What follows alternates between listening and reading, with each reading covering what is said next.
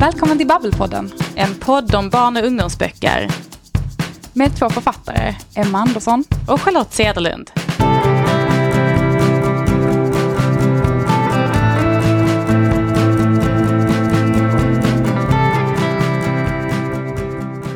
Vi är tillbaka! Woohoo! Säsong fyra. Kan du fatta? Nej, alltså det är fortfarande otroligt för mig att vi får lov att göra det här. Vi visste ju för sig att vi skulle komma tillbaka till säsong fyra, så det var kanske inte en lika stor överraskning som det har varit tidigare. Men jag tar ändå ingenting för givet alltså. Jag är alltid supertacksam över att du får sitta här.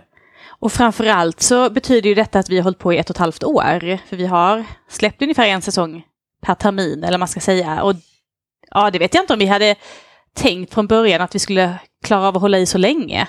Nej, alltså, och som sagt, jag är ju verkligen i alla fall pessimisten i den här gruppen. Så att jag, jag, jag tror ju aldrig att någonting ska gå. Och jag tänkte, och, och, som sagt, jag tror när vi började med det här så tänkte jag säsong fyra liksom. Det låter, det låter så himla långt fram. Så det är ju fantastiskt, verkligen. Och eh, vi kan ju eh, avslöja att vi den här säsongen har gjort någonting som vi aldrig har gjort tidigare. Och det är att vi i princip har planerat säsongen redan. Och åtminstone vad vi skulle vilja prata om. Låter som att vi är superstrukturerade, men ja, jo, det får man faktiskt säga. Ändå mer den här säsongen än tidigare. Mm. Vi har ju lärt oss någonting kanske av att podda några säsonger innan. Eller hur? Men, Emma, vad är det vi ska prata om idag? Idag så tänkte jag att vi ska prata om, som att det var bara mitt beslut, men jag tänker att vi ska prata om eh, sam, hur, hur barnböcker speglar samtiden. Det är intressant. För det är någonting som jag i alla fall har varit väldigt intresserad av för att jag vet inte hur du gör Charlotte, men jag märker i alla fall när jag skriver själv att jag skulle inte säga att jag medvetet tänker att nu ska jag väva in det här budskapet eller nu ska jag liksom skriva om krig för att det är krig eller sådär. Men man märker ju, eller jag märker i alla fall när jag går tillbaka och kollar på saker jag har skrivit att jag man väver ju in samtiden ändå. När man väver in saker man är intresserad av. Och varken man vill eller ej så är det klart att ens värderingar och saker som man bryr sig om starkt eh, vävs in i texten. Det är ju det är kanske inte så konstigt, vi, vi lägger ju in en del av oss själva mm. i det vi skriver. Men, men det, det är kanske mer eller mindre ofta mer eller mindre uppenbart kanske. Ja, okej. Okay. Ja, men det är inte uh, så att du har en tanke när du börjar att nu vill jag skriva om uh Nej, alltså oftast inte, men, men det, det blir kanske ofta så ändå. Fast i och för sig, mm. jag, jag, jag, är ju, jag upplever ju ibland det som att jag, jag är inte riktigt med på vad jag skriver, det blir vad det blir. Och sen så får man väl se lite vad, vad någon slags, att man blir lite sådär, när jag är inne i ett flow så är det liksom någon, en annan Emma som tar över och sen vet jag inte riktigt vad hon har pysslat med. Sen så får man se vad det blev. Liksom. Så det, det vet inte riktigt så. Men, eh, men hur gör du när du skriver? Brukar du liksom tänka medvetet på att du ska ha någon form av budskap när du skriver? Det beror nog väldigt mycket på vad det är för sorts bok jag skriver. Eh, jag tror generellt att när jag skriver mina ungdomsromaner, så, som är liksom längre projekt, eh, då har jag nog nästan alltid det. Att jag har en tanke om att det finns någonting jag vill, vill berätta om. Jag vill, jag vill liksom jag vill berätta om rasism eller jag vill, jag vill liksom eh, ta upp eh, kroppshets bland, hos unga tjejer eller Eh, jag vill prata om någonting om hur det är förlust att förlora sin familj. Så att jag har nog alltid en grundtanke som jag vill ha med. Eh, och den är nog ganska tydlig i böckerna. Men sen försöker jag ju göra alla de andra delarna runt det. Alltså med spänningselementen och med dramaturgin och med karaktärerna och deras utveckling. Så att, så att det inte blir övertydligt. För det är, inte heller, det är aldrig det som är mitt syfte eh, att skriva någonting som känns som en lärobok i någonting. Nej, och jag tänker att det jag, det jag också upplever att barnbokslitteraturen, eller barnböckerna gör väldigt bra är ju att, att det blir inte de här pamfletterna. Utan att det är liksom, det, jag tror att det man tar med sig oftast är när när det är subtilt till exempel, eller när man liksom, man kanske inte uppenbart förstår varför man gillar en specifik karaktär. Men kanske sen i efterhand inser att oh, men det var för att den personen stod för de här och de här sakerna. Och sen så inser man kanske inte förrän långt senare att oh, men det var ju det som gjorde att jag gillade den här boken så himla mycket. Mm. Eh, så är det i alla fall för mig mycket. Eh, att jag har upplevt mycket i efterhand, eller som vuxen, att många böcker som jag tyckte om som barn hade kanske djupare budskap än vad jag trodde att de hade när jag Ja, läste just det. dem. Ja. Men så kan det säkert vara och jag tänker så, det är ju intressant att prata med... Jag läste en recension faktiskt i Expressen tror jag det var. Som handlade om eh, eh, en barnbokserie där man verkligen tyckte att de här böckerna gjorde det här på ett väldigt bra sätt. Alltså att de speglade samtiden på ett, på ett nytt och fräscht sätt kanske. Och det var Anja Gatus böcker som heter, det är en serie som heter Kattspionerna på Rosengård. Och jag ble- blev jättenyfiken när jag läste den eh, recensionen. För jag tänkte att det är precis det här som vi vill prata om. Skulle vi kanske ta och prata med henne?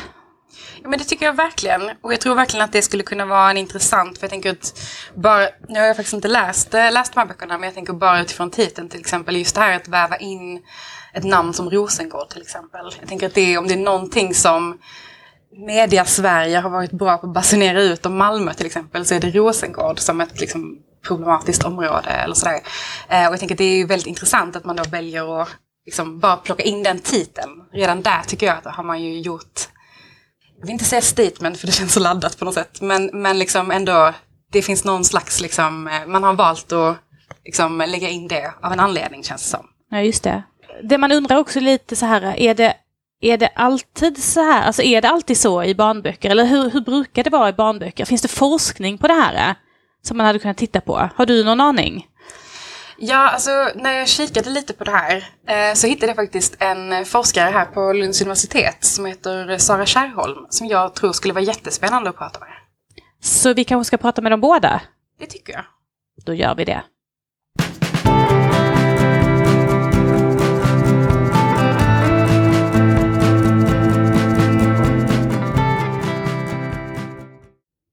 Hej Anja, välkommen till Babbelpodden. Tack! Hur mår du idag? Jag mår bra. Jag är lite samma har haft, Jag har träffat eh, tio barngrupper på fem dagar. Eh, olika typer av workshops. Så att jag, jag är lite mör i huvudet, men glad. Det gick Bra. bra. Hoppas du inte är för mör för att eh, prata med oss idag.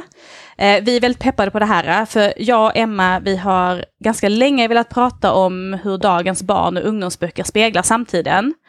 Och sen så för bara några veckor sedan så såg jag en recension i Expressen där eh, recensenten hade beskrivit din serie om kattspionerna på Rosengård som att de just speglar samtiden som en uppdaterad version av Pelle Svanslös. Och då tänkte jag att du måste liksom vara vår perfekta gäst för det här avsnittet. Så jätteroligt att du är här. Eh, och innan vi börjar med just den här frågan så tänkte jag att kan inte du berätta lite om dig själv och om din bakgrund? Mm, absolut. Eh, jag är ju i grund och botten journalist eh, och framförallt har jag jobbat som sportjournalist och framförallt på Sydsvenskan i Malmö där jag var sportkrönikör och sportchef i många år. Eh, sen var jag en sväng som programutvecklingschef på Sveriges Radio också, P4 Malmöhus. Eh, men sen snart fem år faktiskt, drygt fyra år, så eh, jobbar jag mest av allt som författare. Ehm, Lite som frilansjournalist, men det är väldigt, väldigt lite. Eh, så att jag skriver barnböcker. Min första eh, bok kom ut 2015. Passa bollen, ropa kosse heter den. Och, eh, så det var ju sportjournalistiken som fick mig in på att skriva barnböcker. Eh, egentligen, även om jag ju har velat eh, skriva böcker under, ja, sen jag lärde mig läsa egentligen. Eh, så att jag har framförallt, jag har skrivit många böcker om sport. Jag tror att det är tio fotbolls och bandyböcker. Mm. Och sen har jag då skrivit den här serien om kattspionerna på Rosengård. Eh, Just det. Kan du inte berätta lite om eh, de böckerna också? Det har kommit fyra böcker och den fjärde delen kom i höstas om inte jag har fel. Ja, precis. Jo, eh, nej men det här är ju då en serie som eh, den riktar sig till lågstadiet, 6 till 9 klassas den som. Eh, och det är ju illustrerade, eh, lättlästa, ganska lättlästa böcker kan man säga, passar också bra för högläsning, brukar jag säga. Eh, idén kom till mig när min, mitt äldsta barn, hon skulle fylla sex år och hon skulle ha sexårskalas och hon har alltid så här velat ha olika teman på sitt kalas. En gång så hade hon vargtema till exempel. Eh, en annan gång ville hon absolut ha halloweenkalas, för hon älskar halloween trots att hon fyller år i april. Så då skulle alla vara så här, ja ni vet, eh, själv kanske man vill så här, ha vårblommor och sådana saker. Men nej, då skulle allt vara så svart och läskigt. Eh, men när hon fyllde sex år så kom hon till mig och sa så här, mamma, jag vill ha ett kattspionkalas. Eh, och jag sa okej, okay, jag har ingen aning om vad en kattspion är, men visst, vi kör. Eh, så att jag gjorde en, en kattårta till henne helt enkelt. Eh, och alla hennes kompisar, de andra sexåringarna, de fattade direkt vad en kattspion var. Så de kom liksom utklädda till katter med olika spionredskap. Eh, eh, vilket ju var oerhört gulligt såklart. Eh, men sen efter det kalaset så började jag liksom lägga märke till alla katterna i våra kvarter och insåg att de här har ju verkligen något väldigt, väldigt mystiskt för sig. Och då kom hela den här världen till mig egentligen. Jag började liksom se eh, djur, den urbana djurvärlden ur ett helt nytt perspektiv och började fantisera om hur alla olika djur interagerade eh, i en klassisk så här, spionkontext. Eh, så, så, så kom den idén egentligen. Just det, det är ju helt fantastiskt. Tänk vad man kan lära sig av sina barn om man ja. lyssnar ordentligt. Exakt, om man, om man börjar tänka, om man mm. kommer in i det här, alltså man får sådana här små, små frön av dem, eh, så kan man verkligen, och, och också, jag tror att det handlar jättemycket om att här, göra utrymme i hjärnan också, för att kunna ta in det de mm. faktiskt säger och kunna låta fantasin flöda på det, på det sättet. Liksom. Just det. Mm. Se världen så som de ser den. Ja, precis. Och sen då helt plötsligt få ett kattperspektiv dessutom på allting. Exakt. Vem vill inte ha det? Ja. Men du, eh, varför eh, blev det att dina böcker utspelar sig i Malmö och kanske specifikt på Rosengård? Vi eh, bor i villaområdet som finns på Rosengård. Eh, så att eh, det var helt enkelt där jag fick syn på den världen. Eh, det var i de dagliga liksom, promenaderna på Rosengård. För, ja, men, ja, som sagt, vi bor i villaområdet, men eh, barnen går ju på den närmsta kommunala skolan och eh, ja, med fotbollstränare där. Och, ja, men vi, ja, vi lever hela livet där på Rosengård kan man säga. Eh, så att det var där jag såg dem. Mm. Eh, det var där de visade sig för mig. Eh, men, men sen så, själv är jag uppvuxen på eh, Järva i Stockholm, i Kista. Järva eh, är ju ett område som är väldigt, väldigt mycket i ropet just nu på grund av eh, alla skjutningar och all kriminalitet som, som liksom, det är lite som att jag har flyttat från Rosengård och dit eh, just nu. Och, så att jag är uppvuxen i ett liknande område och har ju alltid saknat eh, historier som utspelar sig i miljonprogrammen där inte miljonprogrammen är en grej. Eh, mm. Alltså där det inte är eh, så här jättetung socialrealism. Eh, eller där det inte heller beskrivs jätte, jätte skönmålande och romantiserande. Alltså, utan där det bara får vara en fond. där man bara tar miljön för vad den är utan att lägga in så mycket värderingar i det egentligen. Utan, utan bara låter spännande historier utspela sig där. För det är ju också, jag tycker att Rosengård är oerhört inspirerande ur ett barnboksperspektiv. Det finns oerhört mycket spännande miljöer och särskilt när man placerar katter där och när man börjar tänka sig så här olika spionhistorier. Uh, för det, det, är ett ganska uh, geografiskt, alltså det bor ju många människor där, men det är ändå på en ganska liten geografisk yta så finns det liksom miljonprogrammet Höghusen med alla prång och trappor trappor och innergårdar och allting sånt. Och det finns Rosengårdsfältet med gröna ytor och vattenlekplatsen. Bara det att det heter vattenlekplatsen, så här, vad, det måste ju vara jätteskrämmande för katterna tänker jag. Eh, och det finns villaområdet och det finns Norra Grängesbergsgatan, alltså industriområdet som också är jätte, jättespännande. Så det finns så oerhört mycket spännande miljöer. Och som jag känner är helt outforskade eh, ur ett barnboksperspektiv. Så att, så att jag har ju liksom eh, ja, jag har verkligen gått igång på det. Alltså jag tycker det är så spännande att gå omkring i området och föreställa sig vad som händer där.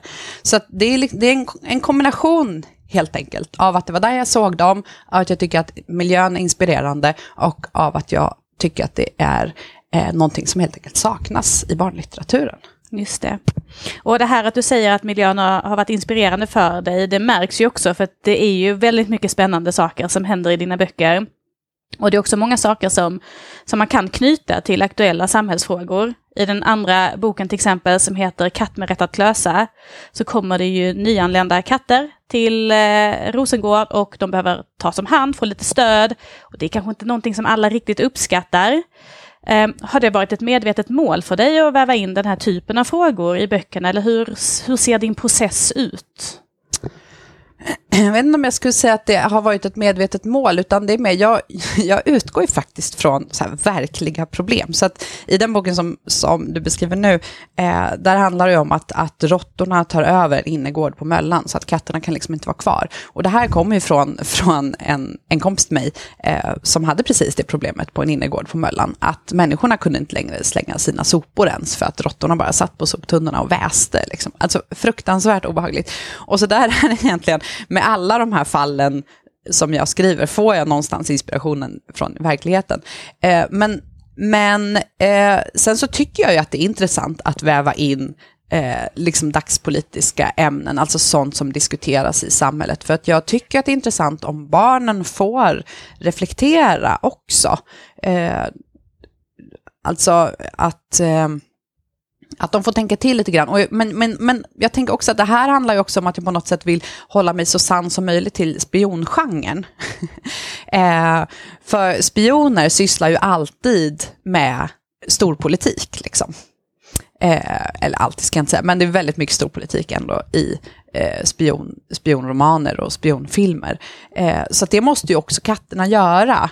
Eh, så att därför har, har det ju varit väldigt mycket, eller inte jättemycket, men det har varit en del flyktingfrågor, eh, men det har också varit väldigt mycket eh, fake news och och, och den typen av eh, frågor. Alltså vem är det som liksom sprider information och varför? Vad finns det för syfte bakom det? Hur, hur jobbar man med det? Hur måste spionerna manövrera för att hitta rätt information i det? Och, och hur måste man liksom motarbeta den här falska nyhetsflödet som kommer och så vidare. Och det där är ju saker som, dels är de ju på agendan idag, eh, rent politiskt, men det är också sånt som barnen möter såklart på olika sätt. Så att jag tycker också att det är lite roligt att få barnen att kanske bli lite mer källkritiska, att tänka till lite mer eh, kring det.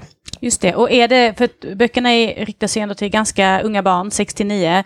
Känner du när du träffar dina läsare att de, att de liksom har möjlighet att liksom ta till sig de här uh, frågorna som du skriver om, eller, eller hur tänker du att de tar det till sig?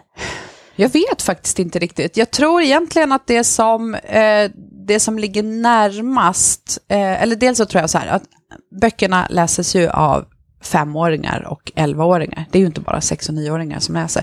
Så det är klart att femåringar och elvaåringar läser, de, de hör helt olika historier och de ser helt olika saker i historierna. Femåringarna ser nog gulliga katter och att det liksom är spännande och, och så. Och elvaåringarna har en förmåga att ta till sig helt andra saker. Eh, men men eh, alltså dagens barn är ju också, de är ju ganska tränade i de här frågorna. Man har ju källkritik till exempel tidigt i skolan så att de är ju ganska, alltså jag, jag tror ju att de framför allt tar till sig att det är spännande och roligt liksom.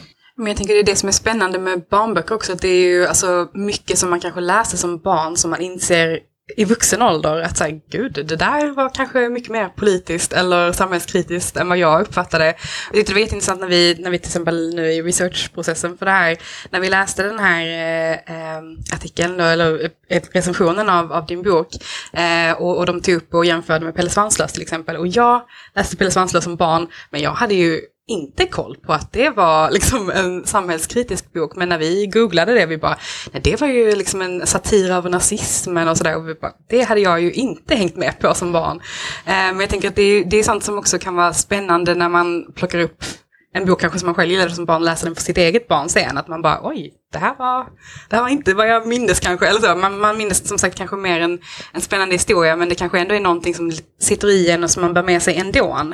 Eh, och, och, vi pratade också om, eh, vet du, Astrid Lindgren till exempel, att Jonathan i Bröderna Lejonhjärta är pacifist. Och så här. Det, liksom registrerade man kanske inte jättemycket, men jag har ju burit med mig, tror jag det. Eh, och jag tänker att det är lite samma kanske för barn som läser dina böcker, att man, de kanske inte ser exakt vad det är som, men det kanske ändå står frön som man bär med sig vidare sen i, i livet. Liksom.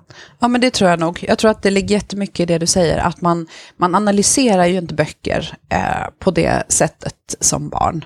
Eh, men, men, men man bär ju ändå med sig det. Men sen tänker jag att barn hör ju också alla de diskussioner, alltså de, eh, den problematik som, som det liksom refereras till i de här böckerna är ju sånt som barn också får eh, liksom spridda skurar utav, liksom runt middagsbordet, de hör på radio, det pratas om det på Lilla Aktuellt och i skolan och så vidare.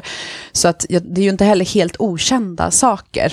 Eh, så att jag tror att det kanske också eh, att de kanske också känner igen någonting. Om du förstår, mig. att, att, eh, att det ja, de känner igen att det här är saker som det pratas om och nu händer det också i den här eh, kattvärlden. Eh, så. Hur tänker du, alltså hur balanserar man det? Alltså, för jag tänker det är ju som sagt ämnen säkert som barnen känner igen, men, men liksom hur, hur mycket, tänker du på hur mycket du lägger in liksom, eller alltså liksom hur, hur uppenbart, eller vad man ska säga, som, som liksom referenserna till verkligheten ska vara? Ja, absolut, för jag, alltså jag vill ju inte att det ska bli så här präktiga, eh, så här är det och så här ska man tycka böcker, utan jag vill ju att det ska vara lite mer subtilt och lite mer, ja men att huvudsaken är att det är spännande och kul. Det är det viktigaste. Och den bok som jag håller på att skriva nu, Femman, eh, som kommer i sommar, där är det ju ingenting sånt överhuvudtaget, utan där vill alla bara dansa salsa och åka till Kuba liksom. Alltså det är ju något helt annat. Så där finns det ingenting av det där överhuvudtaget. Där har jag snarare glömt bort det. Jag hade tänkt att jag skulle ha en katt som heter katten Amerika, alltså leka lite med Captain America. Ja, eh, och det har jag helt glömt bort. För att jag tänkte att det vore lite kul ändå med Captain America och Kuba och sådär. Men sen glömde jag det. Vi får se om det kommer med överhuvudtaget. Så att eh, där är det liksom bara trams. Eh, och eller trams kan man inte säga, det är jätteviktigt att dansa salsa. Men, men jag tror att det behöver liksom finnas en dynamik, att, att det inte Alltså man har ju någon slags kontrakt med sina läsare, men, men kattspionernas eh, läsarkontrakt handlar inte om att det alltid ska vara så här, eh, en, en, politisk kommentar, samtidskommentar, liksom, utan det att det ska vara kul och spännande. Och de, eh, vad heter det, problemen eller fallen som de löser kan hämtas från allt möjligt. Det som jag däremot har märkt det är ju att i eh, den tredje boken, som är en ganska brutal massaker på en igelkottsmamma, eh, som utförs av en robotgräsklippare. Oh, ja, den är, det, den är blodig. Eh, eh, där har jag ju hört att barn har blivit väldigt, väldigt skeptiska till sina familjers robotgräsklippare. Och det kan jag ju tycka är lite härligt, för att robots, jag förstår absolut varför man skaffar sig en robotgräsklippare, för det är jättejobbigt att, att eh, klippa gräset, men eh, Robotgräsklipparna är ju också jättedåliga jätte för bina för att de bara hugger ner alla mm. tusen skönor och maskrosor så fort de tittar upp. Och de är också igelkottarnas värsta fiende faktiskt. Det sker så mycket hemska olyckor där igelkottar och eh, robotgräsklippare är inblandade varje så, år. Så där gjorde du en riktig samhällsinsats. ja, jag känner ändå det. Jag tycker det behövs lite kritik mot de här robotgräsklipparna och det har barnen tagit till sig, för det har jag hört om hur de bara så här, vi ska inte ha några robotgräsklippare. Snyggt. Ja. För det finns ju också i de här böckerna, det är ju ändå, alltså summan är ju alltid så här, allt är människornas fel. Det finns ju alltid en, det är ju en slags civilisationskritik ändå som de här katterna bär på, att så här, om bara inte människorna höll på och härjade och gjorde precis som de ville hela tiden, då, eh, då skulle vi kunna leva mycket lättare. Och den biten vill jag ändå att barnen bär med sig, att reflektera lite över, så här, vad är det vi människor håller på med? Kan vi bara bete oss hur som helst? Eh, eller får det konsekvenser för andra levande varelser? Eh, så. Just det. Ja men det är jätteintressant. Eh, och jag tycker att det är, är väldigt roligt med just alla de här djuren som du har som dina karaktärer. Att det är, det är ju katterna såklart, men det finns också en hundallians och det finns de här råttorna som verkar ganska elaka. Och det finns kaniner som får sina unga bortförda och den här igelkotten du berättade om. Hur gör du egentligen när du väljer liksom vilka djur som spelar vilka roller i böckerna? Jo, men där är ju en sak. Alltså där tänker jag ju dels på hur eh, Alltså vilken relation har katter till olika djur och vilken roll kan de här djuren spela? Alltså, eh, för att de har ju olika underagenter till exempel. De har en kråka som är en underagent som de har lurat in i det här lite grann. De har ju liksom avslöjat honom och på så sätt så kan de vända honom så att han blir deras underagent. Klassiskt spionknep. Eh, utnyttja liksom eh, folks svaghet. Och det är ju väldigt praktiskt att ha en kråka, för han kan ju liksom sköta bevakningen ovanifrån, han kan ju flyga. Så att ja, det var ju praktiskt. Sen så har de ju också den här glada hunden som är super, super social. Eh, och där, den första tanken är ju så här att katter är rädda för hundar, men jag tänker att katterna snarare tycker väldigt synd om hundarna. För att de går i sina koppel hela tiden och de är, åtminstone i Malmö, då är de hänvisade till de här hundrastplatserna, eh, som ju dessutom har blivit ganska farliga eftersom det är någon galning som lägger ut eh, eh preparerade bullar. Eh, men, men att de egentligen tycker ganska synd om hundarna. Men det är praktiskt med hundarna för att de går i samma runda varje dag. Och den här hunden Atlas då, som, som är Samira Karlssons främsta underagent, han är ju oerhört social och bara snackar med allt och alla hela tiden och jätte, jätteglad. Liksom. Så att han är ju en jätte, jättebra underagent också. Så att det är mer att jag tänker på, på de olika djurens eh, egenskaper och vilken nytta kattspionerna kan ha utav dem. Men sen är det också det här med råttorna, för att råttorna i början av serien så är ju verkligen råttorna ganska elaka och så, men där är ju också en sån sak som jag tänkt på, att ja, men det får inte bli så att det är en sorts djur som alltid är elaka och som man bara kan peka på hela tiden. Eh, att, att det är de som är de dumma. Liksom. Så att därför har jag också från och med tredje boken lagt in eh, snälla, smarta råttor eh, som hjälper kattspionerna så att man förstår att, att alla råttor är liksom inte elaka. För att det där är också en sån grej som jag kan värja mig mot, att det blir liksom, även om vi nu pratar djur, att det är en grupp som alltid får, får skulden. Eh, det är ju snarare så det här andra nätverket av katter vill eh, vill få det att framstå som. De vill ju ha en, en tydlig fiende, några som man alltid kan skylla på. Eh, men kattspionerna förstår ju liksom att verkligheten är mer komplicerad än så. Att man aldrig kan göra på det sättet. Mm. Också väldigt knutet till verkligheten får man väl säga. Mm. Mm. Men du, du har ju också skrivit en klimatbok för barn som heter Planeten, klimatet och framtiden, vad kan vi göra? Och det är en faktabok. En väldigt bra bok. Jag läste den säsong två. Ja men precis, ja, Emma har tipsat om ja, den. Roligt. eh, och det är ju definitivt en bok som lyfter en samtidsfråga. Eh, men hur, när du får liksom dina idéer och liksom du har en känsla av att nu har jag sett någonting som händer, det här vill jag skriva om. Hur väljer du formatet till dina idéer? När blir det fakta och när blir det liksom en berättelse med kattspioner? Mm. Eh, Alltså just den klimatboken är ju lite speciell. Den har jag ju, viktigt att betona att jag inte har skrivit den ensam, utan jag har skrivit den tillsammans med en hållbarhetsforskare som heter Åsa Kalmer, som dessutom är en god vän till mig för flera år sedan. Så att eh, den idén fick jag egentligen när hon disputerade för tre år sedan eh, på KTH. Så var jag på hennes disputation och eh, tyckte det var oerhört spännande. Hon forskar ju framförallt på hållbar konsumtion och liksom en hållbar omställning. Eh, så jag tycker det var jättespännande. Jag har alltid sett mig som att jag ändå har varit intresserad av miljö och klimatfrågor och eh, eh, ja, men, ställt om en del. Men fick jätte, jättemycket nya uppslag och tankar och idéer bara av att vara på hennes disputation. Eh, så att på tåget hem från Stockholm då så skrev jag till henne bara, du och jag vi måste skriva en barnbok om det här. eh, och bara skrev ett synopsis i princip och hon var jättetrött och bara, mm, kan vi ta här nästa vecka kanske? En dag. Eh, så att den idén kom ju av en sån konkret händelse.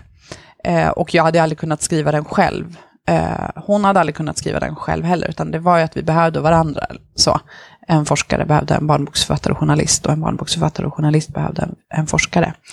Ehm, men det Eh, I övrigt så, så vill jag ju mest jobba eh, fiktivt. För att jag tycker det också är väldigt skönt efter alla år som journalist att få bättra på och eh, hitta på så mycket jag vill. och inte behöva vara så noga med alla hänvisningar hela tiden, utan bara få dramatisera och göra, skapa de världar som jag vill ha. Just det. Och jag tänker att det är ett ganska effektivt grepp vi kan använda oss av också, att vi får ta verkliga saker och dramatisera det och kanske vrida upp där vi vill vrida upp och vrida ner där vi vill vrida ner. Verkligen. Men jag funderar också på ändå, det känns ju som att du, du snappar upp väldigt mycket grejer, om det så är liksom på en eh, disputation om klimat, eller om det är kompisar som har råttor som gör att du inte kan slänga sopor på gården. Tror du att det är journalisten i dig som är duktig på det här, att liksom se saker, höra saker och så? Vad kan jag använda det här, eller hur kan jag använda det här? Ja, men lite kan det nog vara. Och jag tror att det också kan vara att jag jobbade så många år som krönikör. Eh, för att som krönikör så jobbar man jätte, jättemycket så. Alltså att ha alla, alla spröten ute på något sätt och plocka inspiration från alla möjliga olika håll. Och jag skrev ju framförallt om sport, men, men min grej som sportkrönikör var ändå att hela tiden ta in andra frågor i sportjournalistiken. Att, att få, alltså även i sportjournalistiken jobbade jag ju väldigt, väldigt mycket med samhällsfrågor på olika sätt. Att, att, att liksom spegla och skildra olika samhällsfrågor genom, genom idrotten. Eh, så att, eh, och det där kan jag ju sakna från att vara krönikören då. Att eh, att få lägga ihop liksom, olika saker. Som nu när, när hela den här eh, debatten om, om dragqueensens sagostunder på biblioteket var samtidigt som fotbolls-VM i Qatar pågick till exempel. Så tänkte jag så här, men de här lokala SD-politikerna, de är ju egentligen, de borde ju bilda klubb med eh, de som styr i Qatar. Eh, de har egentligen exakt samma agenda. Liksom. Eh, de vill samma saker. Eh, inga, inga, inga regnbågar. Eh, så. Och då saknade jag ju att få, att få skriva om det till exempel. Ehm, så att jag tror att jag um, under de åren så var det ju väldigt mycket så jag jobbade, att, att också så att, att få ihop saker som man kanske inte vid en första anblick tänker att de hör ihop. Eh, så. Och jag tycker att det är jätteroligt att, att, att göra på det sättet också. Eh, mm, just det. Men kommer klimatfrågan eh, dyka upp hos kattspionerna, eller det kanske den redan har gjort? Ja, men jag tänker att den gör det lite grann i och med det här med, eh, vad heter det, ja, men den här underliggande samhälls eller civilisationskritiken som alltid finns, kritiken mot människorna. Eh, det här med robotgräsklippare till exempel. Eh, människor som engagerade för klimatet är ju inte heller jätteförtjusta i robotgräsklippare kan man säga. Eh, och så jag, jag, tänker att klimatfrågan den ligger som en liten bubblare där hela tiden. Eh, just för att, för att katterna är så eh, skeptiska till hur människor beter sig. Just det. Ja. Finns det några ämnen, tänker du, som, som, liksom, som du inte skulle kunna liksom, ta upp i barnlitteraturkontext? Eller finns det en sådana ämnen? Eh, jag vet inte. Eh, jag har inte riktigt tänkt på det på det sättet. Eh, jag tror att ehm, i det här med kattspionerna så är ju det ändå, det är ganska korta böcker det får inte vara för komplicerat. Jag skriver ofta, första versionen är alltid lite för komplicerad. Och sen lägger jag ganska mycket tid på att eh, förenkla. Eh, för att jag vill ju också att det ska vara lite så här eh, spion, komplicerade spiongrejer. Och så bara, men okej, men hur tar en femåring till sig det här nu då? Mm, så får man liksom koka ner det. Eh, så att det är väl det, att det får inte vara eh, för komplicerat. Samtidigt så är det härligt att man får skriva en serie och bygga en värld för att man då kan utveckla eh, problematiken. Men jag tänker ju generellt att det nog inte finns någonting egentligen som barn inte eh, kan eller bör eh, läsa om. Eh, så, utan det handlar om hur man närmar sig det. Sen vet jag inte om jag är bäst på att närma mig alla ämnen, om man säger så. Eh, Nej, nej jag, jag håller med. Eh, utan att det, det, det, är inte säkert att jag kan närma mig alla ämnen, men, men generellt mm. så tycker jag absolut att, att barn ska få läsa om, om det mesta. så. Eh, vi kom ju in på det här lite innan, att eh, du sa ju lite att du vill ju inte att dina böcker bara ska vara en samtidsspegling och att det ska bara handla om politik, utan att det viktigaste är att det finns liksom en riktigt bra, rolig historia. Och jag tänker så här, det kommer ju så med jämna mellanrum olika artiklar som skrivs om olika, av olika skribenter där man oroar sig för att barn och ungdomsböcker, att de är för mycket samtidsskildringar idag. Och att man saknar de här så kallade stora sagorna. Men vad tror du, finns det någon risk med att, att eh, barnböcker får liksom för mycket, vad ska vi kalla det, politiska budskap? Jag tror ju att eh, det politiska budskapet kan liksom inte stå över det litterära, om man säger så. Alltså jag, när jag läser eh, barnböcker nu så kan ju inte jag påstå att jag tycker att det är för mycket eh, politiska budskap. Jag tycker inte att det är sådär värst mycket faktiskt. Sen att författare väljer att, att skildra aktuella frågor är ju inte så konstigt. Det har man ju alltid gjort, för att det är det som barn och ungdomar möter och drabbas av och, och, och reflekterar över själva. Så det är ju inte så konstigt. Det, det går ju liksom inte att freda barn från samhället. Det går ju inte. Um, men jag menar, det är klart att det vore jättetråkigt om, om alla böcker, alltså det är alltid tråkigt med likriktning. Eh, mm. Så är det ju, oavsett vilken likriktning Eh, det är. Eh, men när jag tittar på utgivningen så, så ser jag jätt, jättemycket olika typer utav historier och där de flesta ju inte har en liksom eh, politisk samtidsperspektiv. Eh, så jag tror inte att det är någon, något överhängande hot vi befinner oss under direkt. Eh, men som sagt, men det, det, litterära är ju alltid viktigast. Alltså för att det kan, det kan ju inte bli så politiska pamfletter. Det är ju inte intressant, det är ju inte spännande. Jag tror inte barn vill läsa det. Barn vill ju ha spännande, roliga, underhållande, underhållande sorgliga, läskiga historier. Men det är klart att man som författare också, alltså man använder sig ju av, eh, alltså även om man, om man skriver böcker som, som utspelar sig mer i någon slags historiskt vakuum, så använder man sig fortfarande utav mänskliga konflikter. Eh, och det är klart, den inspirationen till de mänskliga konflikterna får man ju någonstans ifrån. Och där finns det ju också såklart ett antal eviga teman. Eh, som ju någonstans är, jag menar rädslan för det okända är ju inte någonting som är unikt för den här tiden vi lever i nu, utan det är ju någonting som existerar i varje samhälle. Det är också därför det blir ironiskt tycker jag när människor pratar om att vi vill ha det homogena Sverige som vi en gång hade, för att det har aldrig funnits något sånt homogent Sverige. Ingen har någonsin upplevt ett homogent Sverige. Nej, just det.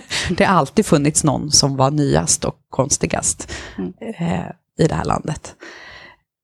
Mm. jag vet inte om jag ska komma längre än så. Nej, men eh, eh, ja, vi kan väl bara hålla med i ditt resonemang, tänker jag. Mm. Eh, och eh, vi är jätteglada att du ville komma hit idag och prata med oss om det här ämnet som vi är intresserade av och som vi tycker är viktigt. Så tack snälla Anja Gato för att du ville vara med i podden idag. Tack för att du fick komma.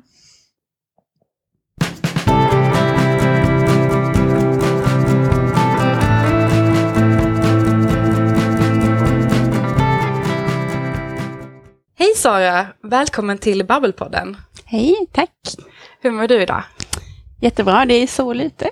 Ja, det är, vi spelar just nu in i januari så det är lite sol. Det, det, är inte helt fel alltså. Det har vi saknat. Precis. Vad roligt att du är här. Du är också på plats. Det tycker vi alltid är trevligt. Vi har ju bjudit in dig här idag för att vi vill prata lite om hur barn och ungdomsböcker speglar samtiden. Eh, och vi har precis pratat med författaren Anja Gatu eh, som bland annat har skrivit serien om kattspionerna på Rosengård. Och det är ju en serie som för barn som också innehåller en hel del samhällskritik och också speglar ett samtida Malmö. Men innan vi går in på detta spännande ämne med dig så undrar jag om du bara skulle kunna berätta lite kort om dig själv och vad gör du? Ja, jag är litteraturvetare i botten, har disputerat eh, i litteraturvetenskap eh, med en avhandling om deckare, så det handlade inte om barnlitteratur. Men sen har jag forskat en del om barnlitteratur också och undervisat mycket i kurser på det temat. Men nu så har jag ett lektorat i förlags och bokmarknadskunskap som är en eh, utbildning som riktar sig till framtida förläggare eller folk som vill jobba i bokbranschen. Så det är där jag jobbar nu och då har vi också ofta barnlitteratur som tema på utbildningen. Eftersom det är ett ganska stort segment av bokmarknaden idag. Spännande. Det, för, för mig som också läser litteraturvetenskap så känns det som en lite, lite dröm, drömjobb att ha faktiskt. Ja. Att få verkligen så grotta ner sig i liksom, bokbranschen och böcker. Ja, men jag håller med. Jag tycker faktiskt väldigt mycket om mitt jobb.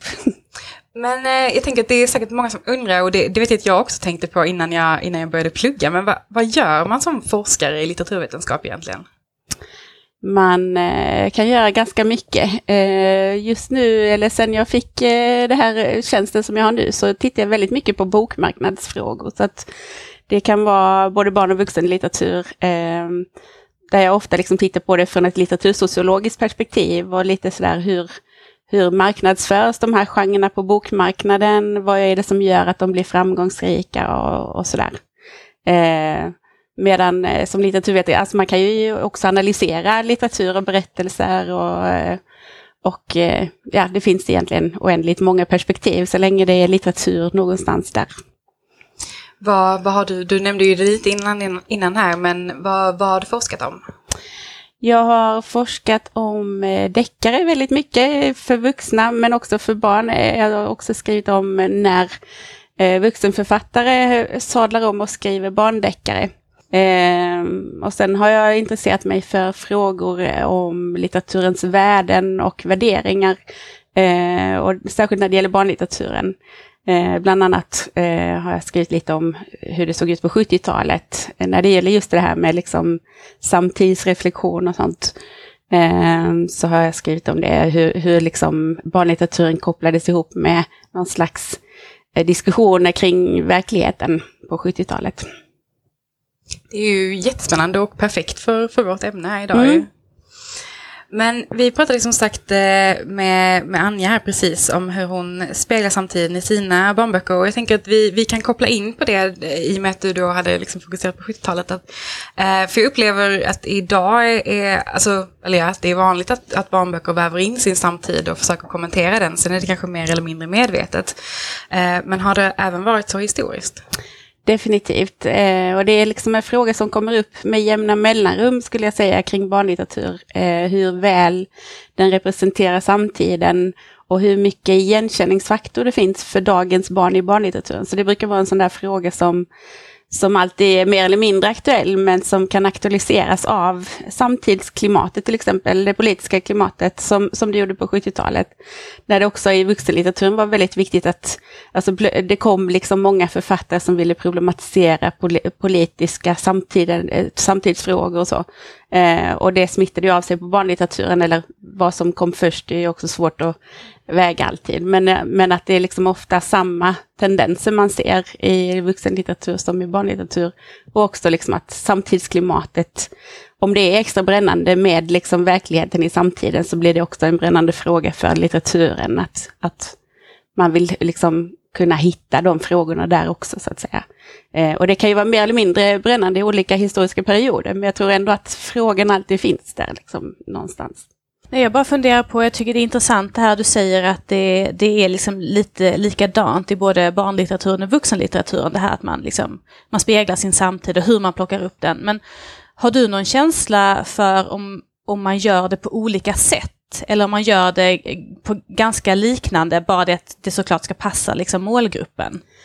Jag tror, jag tror, man gör det på lite olika sätt just för att man tänker olika om sin målgrupp när man eh, författar barnlitteratur. Eh, så att det handlar också, eh, vad ska man säga, barnlitteraturen handlar alltid också om hur man ser på barnen och vad de har för behov. Eh, och där finns det kanske andra eh, saker man fokuserar på än i vuxenlitteraturen. Eh, till exempel då att det ska finnas eh, igenkänning när det gäller representation. Eh, men också att man ska kanske hjälpa barnen att hantera liksom en problematisk verk verklighet som är svårare kanske för dem eh, än vad man upplever att det är för andra vuxna. Liksom. Så att det tas upp på ett sätt som ska göra det eh, ja, lätthanterligt eller liksom att man ska få ett forum för att tänka på saker som man kanske inte får någon annanstans. Just det.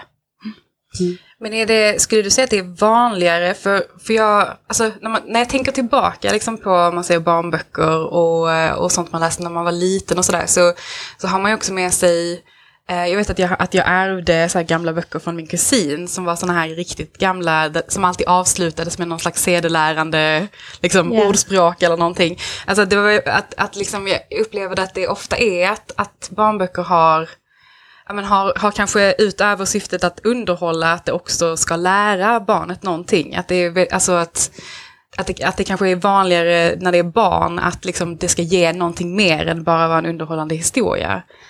Definitivt. Det, alltså det? Det, det, är ju en sån här sak som många barnlitteraturforskare har hållit på med, den här eviga problematiken mellan estetik och didaktik i barnlitteraturen. Att det finns ofta en lite undervisande, eller liksom, det behöver inte vara en undervisande ton, men att det finns någon form av tanke att man genom litteraturen också fostrar barnen på något sätt och lär dem kanske om, om den vuxna verkligheten och, och liksom vuxna normer och om det då ska framställas som någonting problematiskt och ur ett kritiskt perspektiv som vissa barnlitteraturförfattare gör, eller om man ska liksom lära dem att bli vuxna så att säga på rätt sätt eller sådär.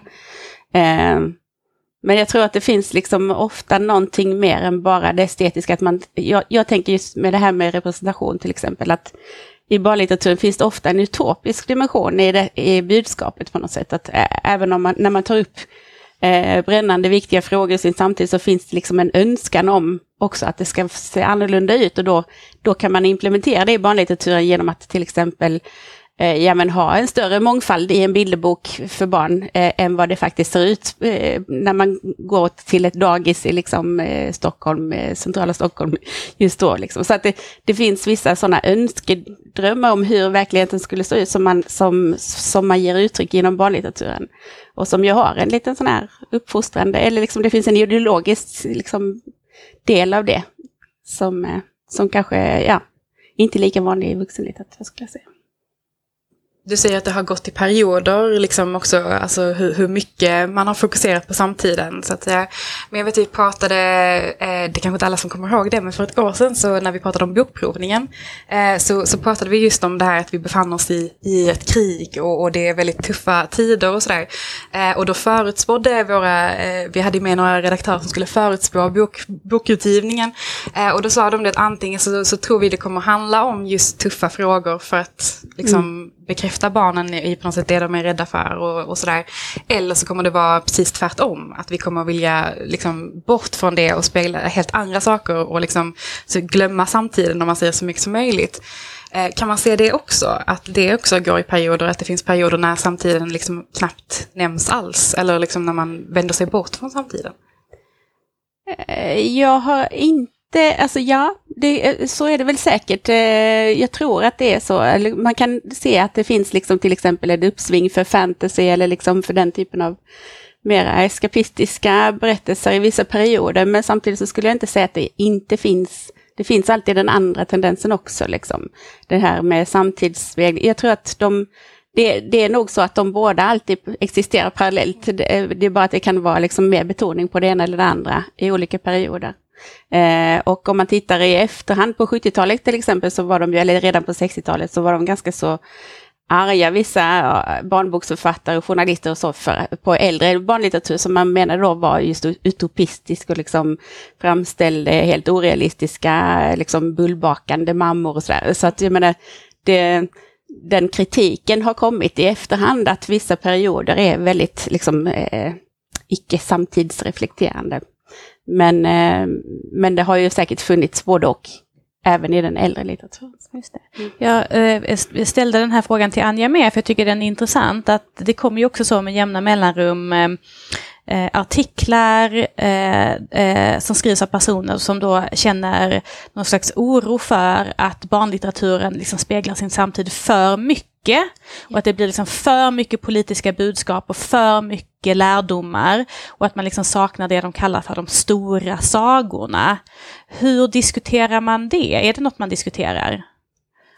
Du menar eh, inom att bokbranschen eller liksom? Ja, men inom, inom ditt inom segment, forskning. inom forskningen. Är det liksom att vi vill, ibland vill vi ha berättelser som faktiskt bara är en saga?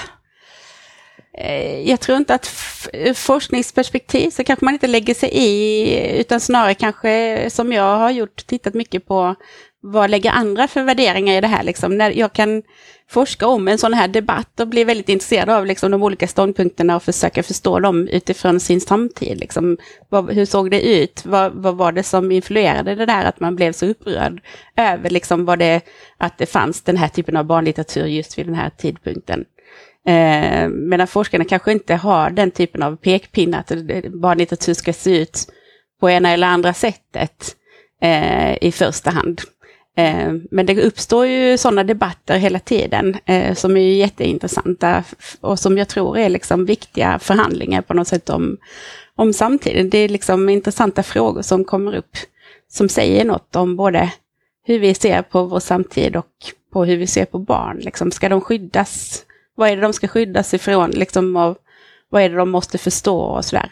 För det handlar ju liksom både om en vilja att förstå. De, de där jättepolitiska barnböckerna liksom som är väldigt eh, det brukar ofta handla om att man försöker hjälpa liksom, eh, barn att förstå, förstå någonting svårt. Eh, och det kan ju, en del kan, det kan nästan beskyllas för att man liksom just blir för detaljerad och liksom att det är för tidigt egentligen, att man borde skydda istället.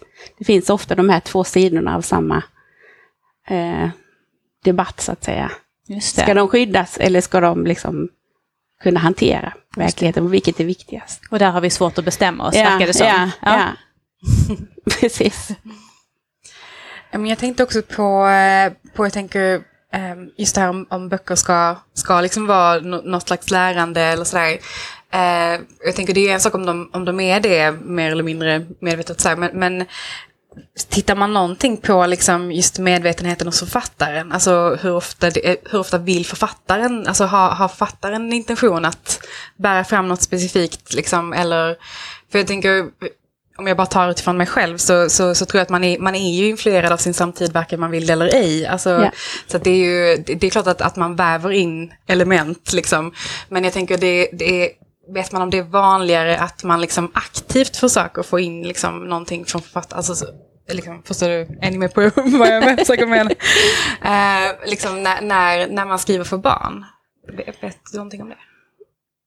Jag tror att många författare har eh, ambitioner eh, liksom, av det slaget. Och ofta, alltså, jag märker att de pratar om det när, man, när de blir intervjuade på typ Littera Lund och sådana sammanhang. Att liksom, då kommer det fram kanske att man har eh, någonting som man brinner för, som man vill ha med i barnlitteraturen. Men det brukar ju sällan vara sådär pekpinneaktigt, eller det brukar liksom inte vara så att man har en tydlig, liksom, det är det här de ska lära sig i första hand, liksom, som är väldigt enkelt budskap, utan det är ju snarare att man kan få ha någon slags syn på livet eller världen liksom, som man vill förmedla. Kanske förmedla hopp eller sådär. Eh, men det finns ju exempel på motsatsen. Jag, jag kommer ihåg att, eh, jag vet inte om det var senaste bokprovningen eller näst senaste, men där de pratade just om att det finns eh, klimat, klimatkrisen påverkar ju liksom väldigt mycket barnlitteraturen eh, de här dagarna och eh, Eh, ibland så får det liksom ett negativt slut för att det är liksom varnande exempel. Alltså det är liksom, man är på väg mot någon katastrof och det går liksom inte riktigt att skriva bort det där. Eh, samtidigt så kan det vara jättetufft ju att hantera liksom. Så det är också en sån där, ska man, ska man få in ett lyckligt slut, då är det realistiskt liksom när det gäller sådana stora eh, superfrågor som, som vi står inför. Liksom. Ja, precis. När man forskar i litteratur, hur gör man då? Läser man bara massa böcker då? Den typen av forskning jag håller på med är inte så mycket att jag liksom eh, gräver ner mig bara i litteraturläsning, även om jag gör det också. Utan det handlar, eh, just nu håller jag på med ett projekt om ett förlag på, eh, eh i början av 1900-talet och då eh, utforskar jag deras arkiv och också tittar på liksom hur de paratexter, eh, alltså omslag och sådär. Hur paketerades böckerna liksom och vad säger det om hur de såg på sin målgrupp och på litterär kvalitet och sådär. Så att det kan vara ganska mycket annat också. Plus att jag brukar ofta vara väldigt intresserad av just samtiden, så att då måste jag gräva ner mig lite i det eh, och förstå liksom vad var det som var outtalat i samtiden, alltså om alla var, var det så att det rådde någon slags konsensus om ungdomars läsning till exempel och var, varför skulle de läsa litteratur och vilken litteratur var det som de skulle läsa så där, då vill jag ta reda på det och då räcker det kanske inte att jag bara tittar på det här förlaget utan jag måste titta på hela liksom, ja, samtidsdiskussionerna i olika sammanhang. Det kan vara att jag tittar i veckopress eller liksom gamla dagstidningar eller radioprogram och vad, vad det nu kan vara. Låter som ett ganska stort jobb. Ja, jo, det kan ta lite tid. Går det och, eller så här, brukar ni någon gång så fundera över, för jag tänker att det är ju väldigt lätt när man tittar tillbaka på historien att man ser att så här, det där var en period när liksom den, den liksom genren till exempel var stor för att det här och det här hände. Och så här, är det, brukar ni liksom förutspå så här, vad som kommer bli vår, vår fråga liksom, eller vad som liksom är, är böcker från, från vår tid? Ja. Nu har det ju ändå hänt många stora grejer kan man väl säga i, i vår samtid om man säger. Eh, jag, har, jag brukar inte våga mig på de där stora förutsägelserna, men, men jag jobbar ju med eh, studenter i just det här temat barnlitteratur och då ingår det ju att vi alltid, jag läser ju bokprovningen varje år och liksom studenterna analyserar den och de analyserar Kulturrådets barn och ungdomskatalog och sådär. Så att man får ju syn på ganska mycket som händer och sen över tid så kan man ju jämföra dem och sådär. Så det, det är ju jättespännande. Och de får ju ofta i uppgift också att tänka på det här, liksom, vad, ser ni några trender just nu och vad, liksom, eh, vad är det som är gångbart nu och sådär. Eh, så ibland, ja, det jag pratar om det hela tiden, men jag skulle inte säga att jag har liksom jag har någon bra, några bra svar mm. kanske på vad som är de eh, stora trenderna i vår samtid. Det är ju lättare att få syn på som sagt i efterhand. Mm. Ja, och avslutningsvis så tänkte jag bara så lite nyfiket fråga, vad, vad tittar du på just nu? Ja, det är det här projektet då om eh, Svensk lärartidningsförlag eh, som eh, var verksamma under ja, ungefär 60 års tid under 1900-talet. Och jag tittade på deras bokserie för ungdomar och just hur de såg på ungdomars läsning. Eh, och varför just varför, varför ska ungdomarna, eh, ungdomarna läsa och, och, vad ska de läsa och vad är det som är liksom, vad är det som formuleras som god kvalitet när det gäller litteratur för barn och ungdomar under den här tiden. Har du kommit fram till någonting än eller är du i början? Eh, jag har gjort lite pilotstudier. Eh, men ja, jag vågar inte säga för mycket. det känns som att vi kommer att behöva tvungna att bjuda tillbaka dig hit när du är klar med den Precis, studien, för det lät väldigt intressant. Ja, gärna det. Tack så jättemycket Sara för att du ville komma hit och eh, berätta mer om forskningen för oss. Tack själv.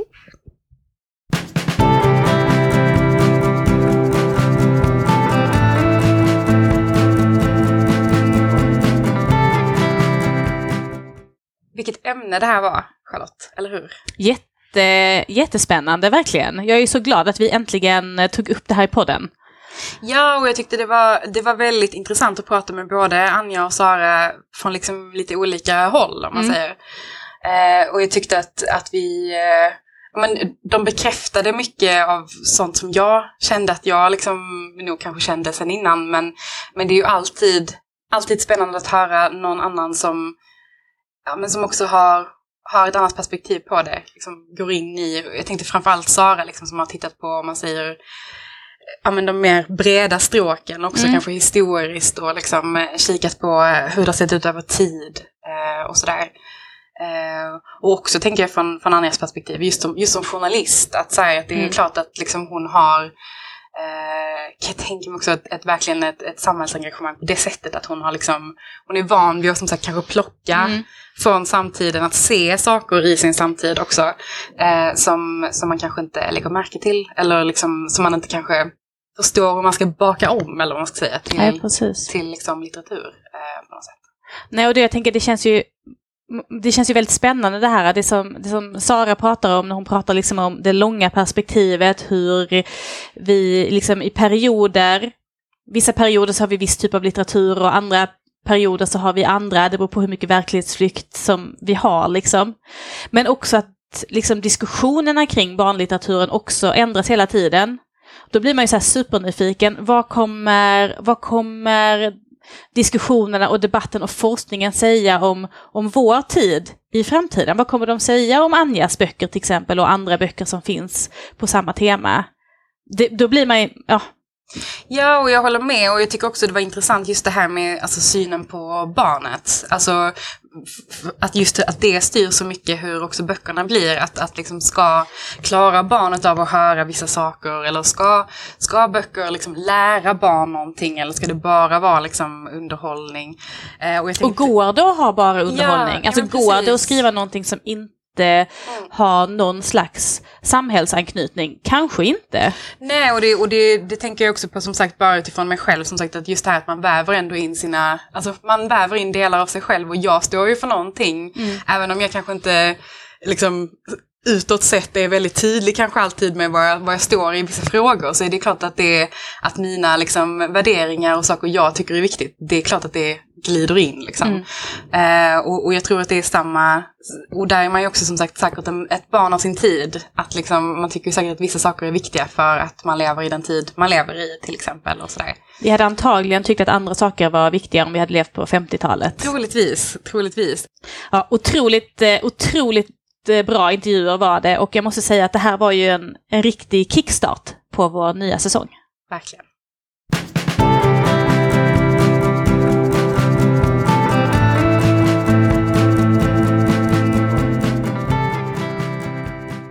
Nu blir det boktips! Du Emma, det var ju ett tag sedan vi pratade böcker egentligen, men vad har du hunnit läsa sedan dess? Ja precis, det har ju ändå varit några veckor sedan, eh, sedan senast. Eh, och ja, det har ju hunnit vara jul emellan mm. till exempel.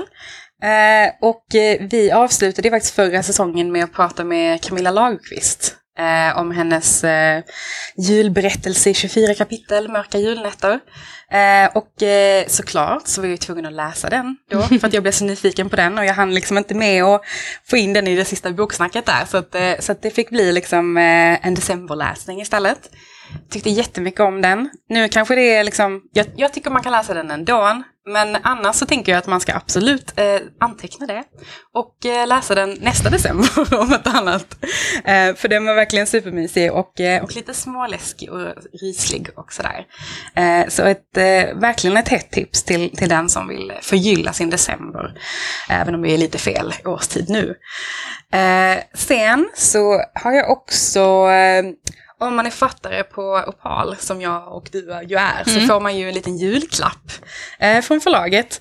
Och eh, då får man liksom önska en bok ur utgivningen. Och jag har alltid, eller ja, ända sedan jag såg den första gången, varit supernyfiken på Karin Linderoths eh, bilderböcker om drakar. Hon har gjort några stycken nu, jag tror hon är uppe i tre, kanske fyra stycken. Eh, men jag önskade mig då den första boken, Våra nordiska drakar och konsten att spåra dem. Och det är ju eh, ja, men en fantastiskt mysig bok för, eh, för alla drakälskare.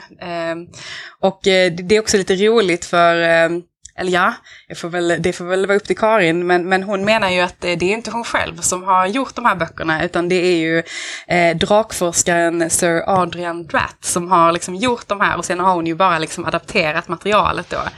Eh, så det är, ja men det är verkligen eh, liksom ja, men en supermysig bok då. Eh, fältstudier kring våra nordiska drakar. Eh, väldigt hett tips. Sen hann jag också åka på semester lite och då hittade jag ju världens mest fantastiska Harry Potter-utgåva. Den är verkligen helt fantastisk. Ja, eh, och jag kan ju säga att jag har inte, jag har inte läst den, för den råkar vara på franska. Men eh, jag har ju bläddrat i den något oerhört. Eh, och jag kan ju typ nästan Harry Potter utan till. Så att jag tänker det typ som att jag har gjort en liten omläsning av Harry Potter. Eh, och bara för att liksom så lite förklara så är den ju, för det första är den ju liksom inbunden i världens finaste liksom inbundna utgåva. Eh, den är jättetjusig, det är liksom guld på framsidan och den är så här, verkligen superfin. Men sen är den sån här den har jättemånga sådana fina finesser att man kan liksom veckla ut bilder och man kan till exempel plocka ut brevet som Harry får från, eh, från Hogwarts och sådär. Så den är, eh, ja, förlagen, om ni lyssnar så äh, vet du, får ni jättegärna lov att ge ut en sån här utgåva på svenska också. Jag och Emma kommer köpa den. ja, precis. Annars tänker jag att eh, mina framtida barn kommer få bläddra i den här medan jag läser den svenska utgåvan för högt för dem då. Eh, så det är min tanke. Men avslutningsvis så har jag kört lite 9-12 böcker. Eh, jag har läst, eh, äntligen har jag kommit till Johan Rundbergs böcker. Eh, han har ju gett ut en serie, Månvind och Hoff, som jag har spanat på jättelänge. Och den första boken, Nattkorpen, fick ju också Augustpriset för några år sedan. Eller om den var nominerad, det vågar jag inte svara på. Men den, den var i alla fall Mm, jag har spanat på dem länge. Och eh, jättebra var de verkligen. Eh, jag har läst alla fyra som finns ute. Jag tror det kommer komma fler. Eh, det kändes i alla fall så. Eh, men fantastiska böcker, verkligen. Eh, och de var, de var kortare än vad jag trodde de skulle vara. Jag vet inte om det är typ eh, det är Alvaro Tapia som har gjort eh, omslag, eller de tre första omslagen. Och han har ju gjort Harry Potter, de svenska Harry Potter för omslagen. Så jag vet inte, att man kanske tänker när man ser honom, att, eller hans bilder, att så här, det här är en tjock bok. Men, eh, men jag måste säga att för att vara så korta som de var, så det, det, var, det var packat med handling. Mm. Eh, och det var superspännande. Och sen är det ju historiskt, eh, ett historiskt Stockholm. Eh, och eh, ja, men det känns verkligen som att man var där. Eh, jag har nog aldrig så här, tyckt att det luktar så illa som när jag läste om sommaren i Stockholm. När liksom, eh, liksom utedassen börjar lukta och eh, liksom pigorna häller ut liksom inälvor från, från djur och sådär på, på gatan. Jag har nog aldrig känt det så levande i en läsning att uh vad äckligt det här var. Eh, så, uh, och också superspännande handling. Eh, Mika då huvudpersonen är väldigt fascinerande. Så tips. Men Charlotte, vad har du läst sen senast? Men jag har också läst lite blandade böcker. Eh, innan nyår så blev det lite jul-nyårstema kan man säga. Då läste jag eh, Julegrisen av J.K. Rowling som väl egentligen kom för, alltså förra året igen.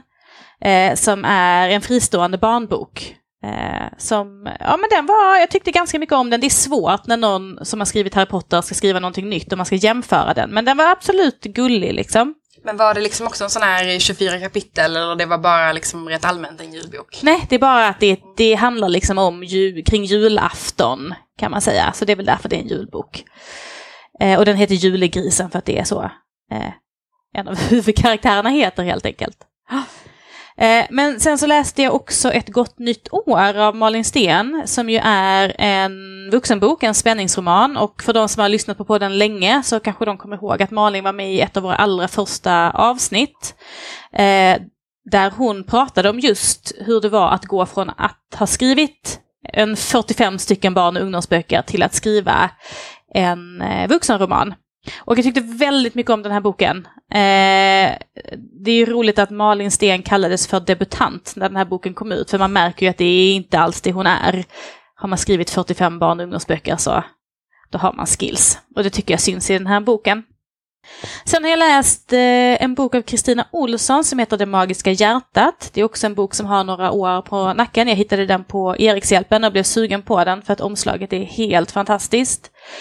Och det är den andra barnboken som jag läser av Kristina Olsson och jag måste säga att jag är väldigt, väldigt imponerad. Jag ska läsa fler av hennes böcker för att hon har ett sätt att skriva på ett väldigt enkelt Alltså väldigt enkelt men ändå spännande, det är stora frågor, den här handlar om döden och en kompis som, som håller på att dö och behöver ett nytt hjärta. Och ja, men det är verkligen jättebra, så jag ser fram emot att läsa fler böcker av henne. Hon är en väldigt produktiv författare så det är ju lätt att få tag på fler. Och sen sist då så har jag läst en bok på engelska som heter Sight, får jag väl säga. Lie fick jag googla mig fram till att det betydde. Och den här köpte jag när jag var i New York förra året, firade min 40-årsdag. Och jag gick in på Barnes Noble och bad om att få en av de mest sålda ungdomsböckerna som de hade. Och först så pekar de ju lite på lite andra böcker som Hunger Games och sånt som jag redan har läst. Och sen pekar de på den här serien, för det är första boken i en serie. Och det är en dystopi, det handlar om en framtidsvärld där människorna har utrotat all, all död. Kan väl säga, vi kan inte dö. Eh, och då behöver de ha speciella människor som ändå håller nere befolkningen. Och de kallas för sites då. Gud vad spännande. Och den var otroligt bra. Alltså den här boken kom 2016 och jag förstår inte, jag har ju missat den uppenbarligen. Den har inte blivit översatt, men den är jättebra. En riktigt bra ungdomsdystopi. Så det är nog mitt allra största tips från det som jag läste nu. Den ska jag absolut läsa. Den kan vi få låna av dig. Absolut, går bra. Vi fick ihop ett första avsnitt på säsong fyra. Det gjorde vi. Ja, och, och spännande var det också. Vad roligt att vara tillbaka, det känns toppen och äntligen vara igång igen. Men eh, ni vet ju vad som gäller vid det här laget. Ni känner ju oss väl om ni har varit med sedan början. Eh, och då vet ni att vi finns på Instagram och Facebook. Eh, vill man höra av sig till oss där får man jättegärna lov att göra det. Eller lämna en liten kommentar på några av våra inlägg. Det blir vi jätteglada för. Och man kan ju också mejla oss eh, om man vill. Vi finns på eh, babbel.babbelpodden.se. Men ni får ha det så bra, så ses vi. Hej hej!